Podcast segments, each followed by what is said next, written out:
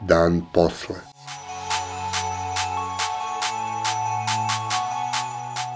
Podcast o krizi i njenim posledicama.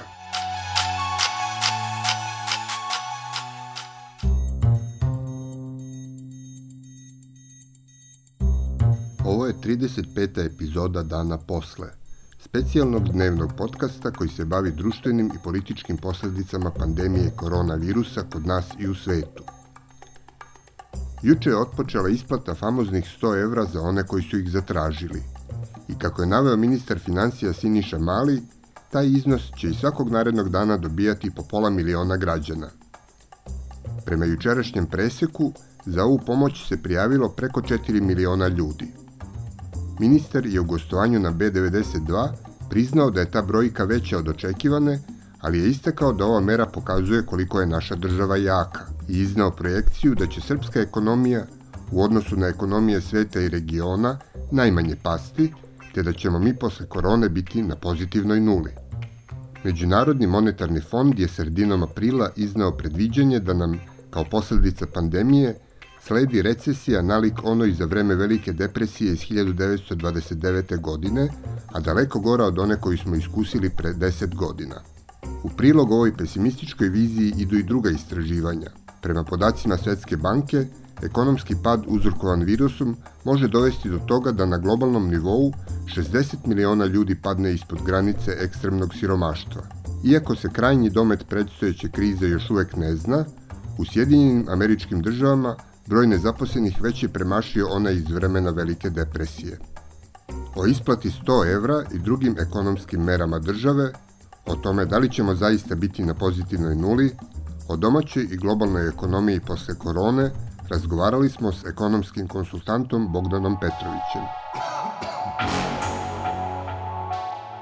Dan posle. Evo da krenemo od tih Vučićevih 100 evra odakle tih 100 evra i zašto su podeljeni baš na ovaj način, e, da li možda način podele krije e, neke zakulisne računice i gde možemo da očekujemo da će završiti tih 100 evra po čoveku? Računica je manje više svima jasna. Nekog velikog ekonomskog opravdanja nema. Para u trezoru nema, odnosno ono što je bilo, da kažemo, novca u trezoru, to se verovatno veoma istanjilo Zato je država bila prinuđena se zaduži sa 2 milijarde, tako da ćemo mi sada iz tih sredstava će država da uplati na 5 miliona i 800 hiljada računa po 100 evra. Koliko je to opravdan potez? Pa, verovatno je vlast želela pre svega da olakša narodu skoro dva, dvomesečno maltretiranje koje je bilo sigurno jednim delom opravdano, ali ja bih rekao dobrim delom i potpuno neopravdano i besmisleno kao što su ta recimo trodnevna, trojipodnevna policijska hapšenja, ja to ne bih nazvao drugačije, policijska hapšenja za uskrs i slično, mislim. To je sve moglo da se izvede i sa racionalnim i razumnim merama.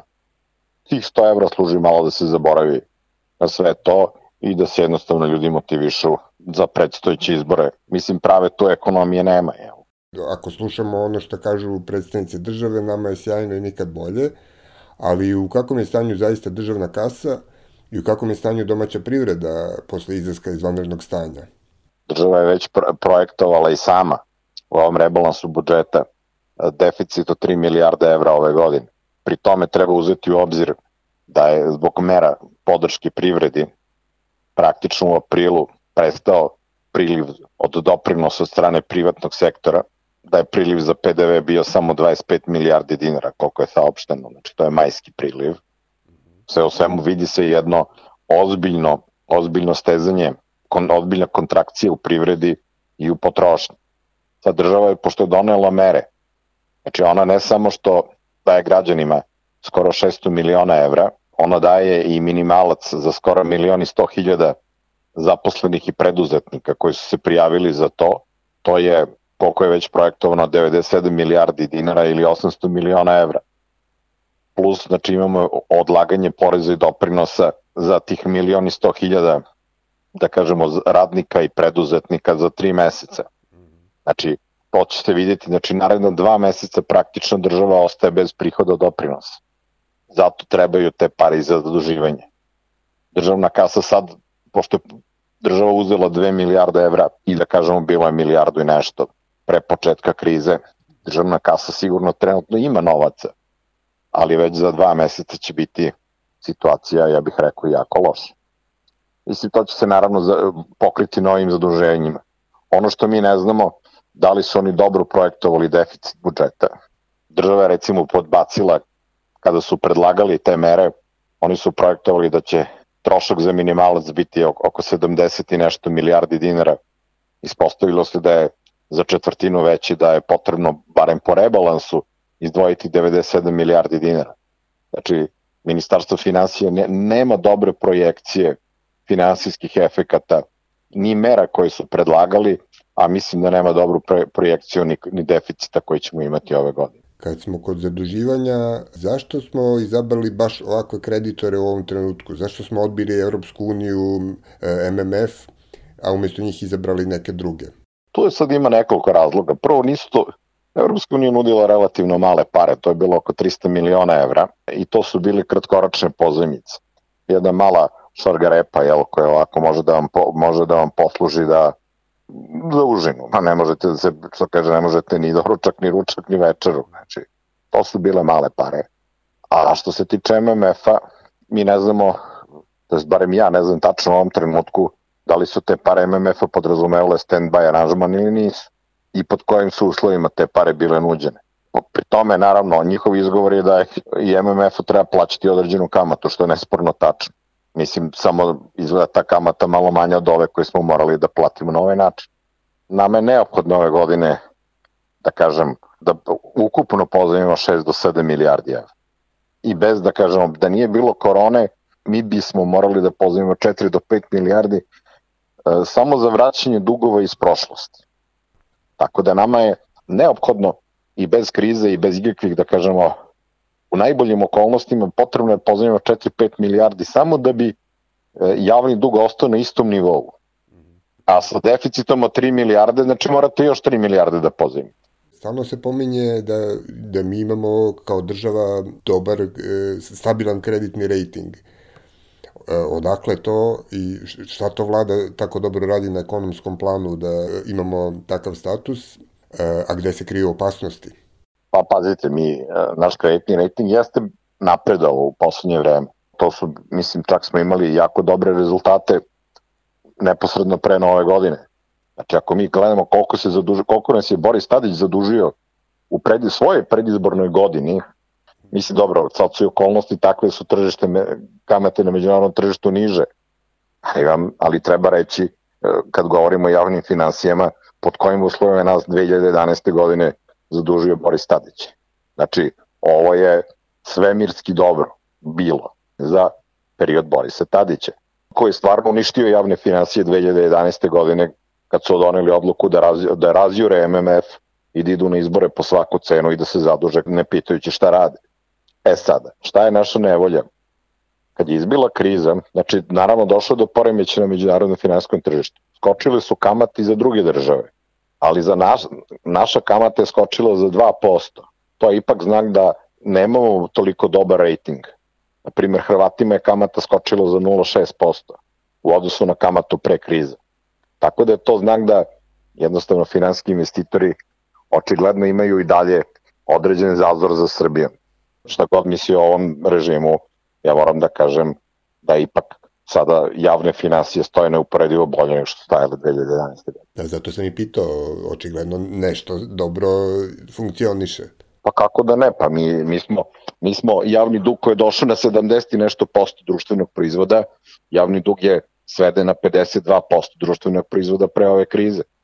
Mislim, mi još uvek ne znamo kako će izgledati druga polovina ove godine. Znači, privredna aktivnost je počela lagano da se kreće, ona još nije dostigla predkrizni nivo, ono što je nas, nam relativno dobro, to je da, da smo zemlja koja je poljoprivreda relativno značajan faktor u društvenom proizvodu, a poljoprivreda neće trpiti nikakve posledice koronavirusa. Za sada to tako deluje. Pala i kiša, tako da neće biti ni kako, kako izgleda, neće biti ni neke suše. Znači poljoprivreda će ostati na istom nivou, možda će biti bolje nego prošle godine. To je, to je dobra, stva, dobra strana. Ova ostala privreda tek počinje lagano da se zahuktava. Mi ne znamo kako će se to odvijati. Ono što nije dobro, to je da jedan deo naše privrede, i to ne mali, radi je, je jako povezan sa međunarodnim tržištem, recimo ove fabrike, čitav niz fabrika je vezan sa autoindustrijom. Koliko će ljudi hteti uopšte kupuje nove automobile u Evropi ove godine? Ako nema kupovine novih automobila, onda ne rade ni komponentaši u Srbiji. A možemo da, da e, bar od prilike naslutimo šta bi moglo da se dešava sa nezaposlenošću E, da li će biti drugog talasa na, na jesen o kome se govori i ko će biti najviše pogođen? Kod nas je jedno sigurno državno pomoć je sprečila da armija privatnika ne otpusti ljude. E, prema podacima koji su saopšteni, znači samo 15.000 lica se prijavilo birovu za naknadu. To nije ni čudo, jer ako vama država daje tri meseca minimalac, odlože plaćanje doprinosa, a jedina vam je obaveza da još narednih šest meseci ne otpuštate te ljude, odnosno više od 10% ljudi, naravno da su svi to prihvatili. Biće nevolja kada istekne ovaj, uslovno rečeno, grace period u kome se nalazi naše društvo. Druga stvar što je isto tako delovala kao, da kažemo, potpuna anestezija, to je e, moratorijum na vraćanje kredita koji traje tri meseca. Znači, taj moratorijum će isteći u, u roku od narednih mesec dana. A u julu prestaje, da kažem, prestaje državna pomoć. Znači, početkom jula će biti isplaćena poslednja tranša 30.000, a od tada moraju da se plaćaju doprinosi i mora da se isplaćaju plate. Onda će verovatno da dođe do vrlo, vrlo neprijatnog otrežnjenja u privredi i vi, mi možemo očekivati možda 100-200 hiljada ljudi na birovu do kraja godine. Plus imate, plus da, da, plus to, to sam zaboravio da kažem, imate potpuno, potpuni krah i, i, i ogroman broj otkaza u takozvanom neformalnom sektoru.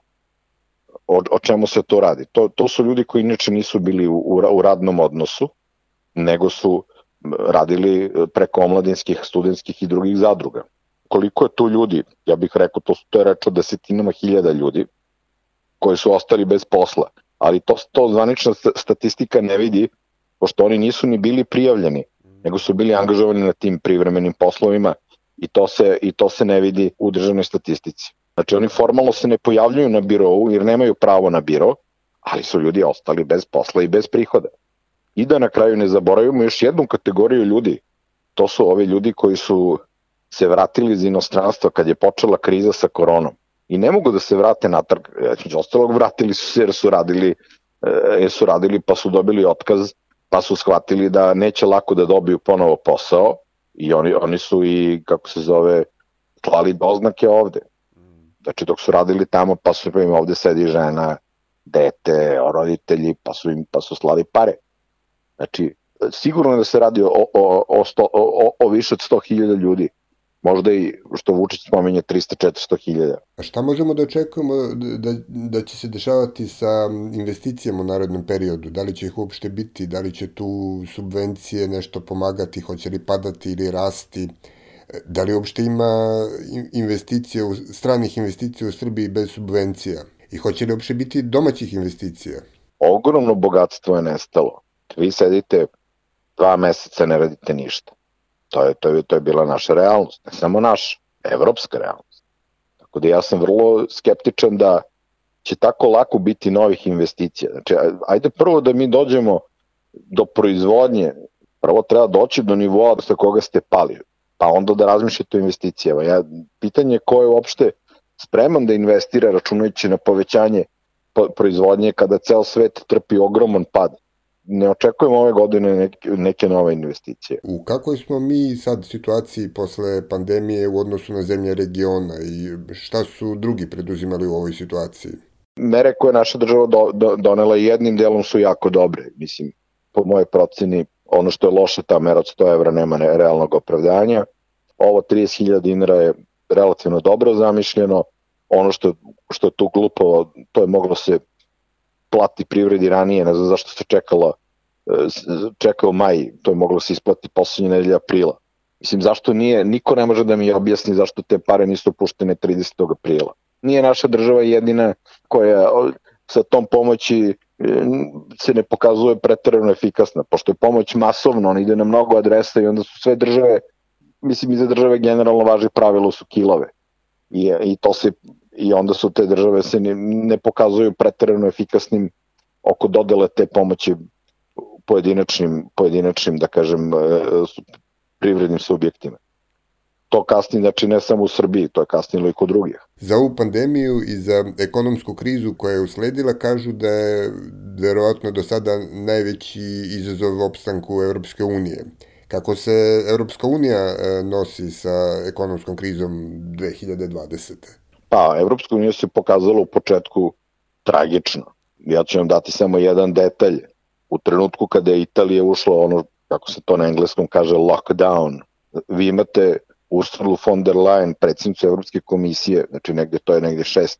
7. ili 8. mart, koja drži preskonferenciju u Briselu o, o uspesima e, za prvih 100 dana svog mandata, gde ona nijednom rečju nije pomenila koronavirus dok je novinari nisu izmasakrirali sa pitanjima. Onda je tada rekla, kaže, mi imamo radnu grupu koja se sastaje jednom nedeljno. Druga stvar što se, naravno, kad je takav pristup Evropske komisije kao krovnog tela, jedne žene koja je očigledno nesposobna i, i neadekvatna za to mesto, onda se desilo to što se desilo, da su vama između država članica postavljene barikade i zabranjen, zabranjen transport. Vi ne možete da idete danas između država Evropske unije, tek sada se granice otvaraju. Onda ograničavanje trgovine sa medicinskom opremom, To se posle malo ispeglalo, ali u početku je svaka država htjela maske i ovo, kaže, ma ne dam nikome. Takva Evropska unija, baš me briga. I sad se otvara drugo veliko pitanje oko koga je ogromna polemika, ko će da snosi troškove oporavka. Države koje su najviše pogođene, znači pričamo Italija i Španija, a i Francuska, su izuzetno zadužene. Nemačka i Francuska su najavile spremnost da se Evropska komisija zaduži na račun budućeg primanja budžeta Evropske unije 500 milijardi evra i da tih 500 milijardi evra se da u formi grantova, odnosno bespovratnih sredstava za oporavak od krize izazvane koronom. Pa države na istoku Evrope, značajne države sa istoka Evrope kao što su Poljska i Mađarska su izrazile skepsu dok ne vide detalje tog predloga jer se plaše da će one biti da će fondovi iz kojih su oni crple ogromne pare ti strukturni fondovi, da će i oni biti predmet štednje, a da će pare ići pretežno oporovak južnih država. I sad se tu je, znači postoji francusko-nemački predlog, on je nedovoljan, znači Italija, Italija odmah rekla, kaže, tih 500 milijardi, to je malo, jer od tih 500 milijardi Italija, Italija će dobiti ispod 100. I naravno, te pare će su dobro došle, ali neće biti dovoljne da se ta kriza prevaziđe. A za koga možemo da očekujemo da će biti ekonomski gubitnici i dobitnici na globalnom nivou? U ovom trenutku se ne može tačno zaključiti. Delo je da će to biti Kina.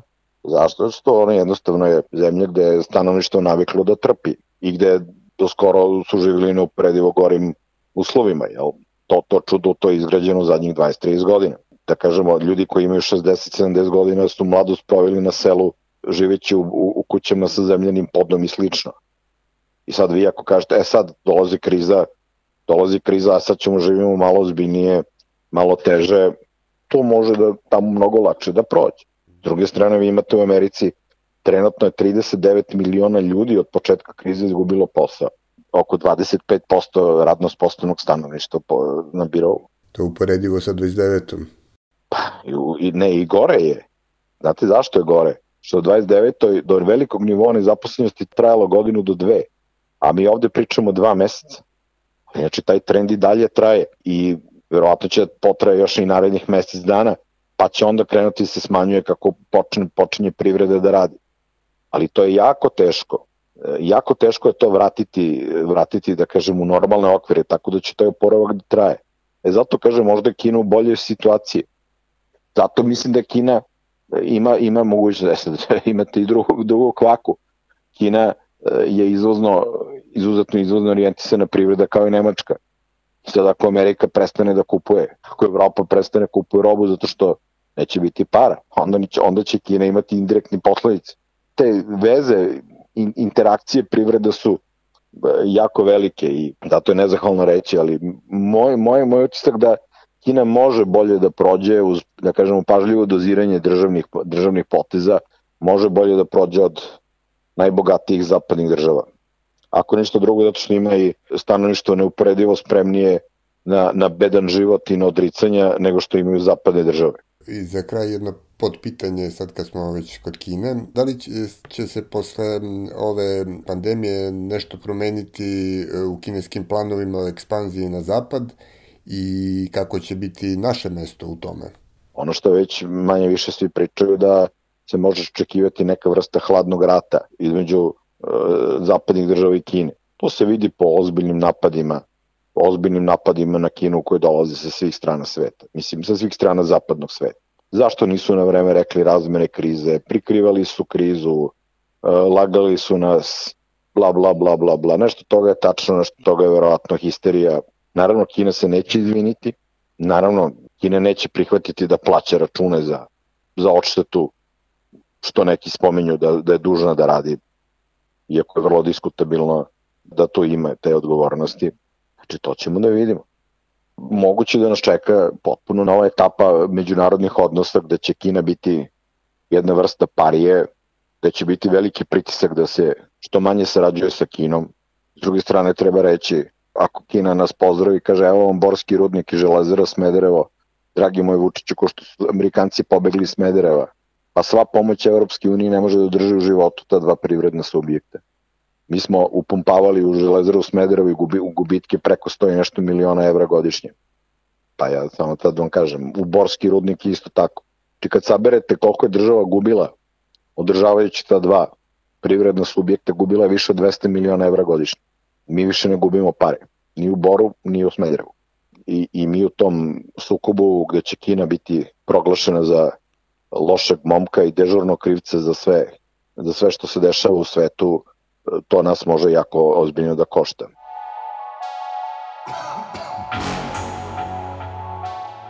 Dan posle. Bila je ovo epizoda Dana posle za 26. maj 2020. godine. Nova epizoda s novim sagovornikom očekuje vas u četvrtak 28. maja. Nije još sve prošlo, pridržavajte se mera zaštite od koronavirusa Čuvajte svoj i tuđe živote i ne ćutite pred glupošću i nepravdom. Dan posle je specijalno izdanje Tačke ključanja, autorskog podcasta koji se realizuje uz podršku građanskih inicijativa. Redakcija Ilir Gaši, Tara Petrović i Aleksandar Gubaš. Urednik i voditelj Aleksandar Gubaš. Muzika Zeifol i Ben Sound.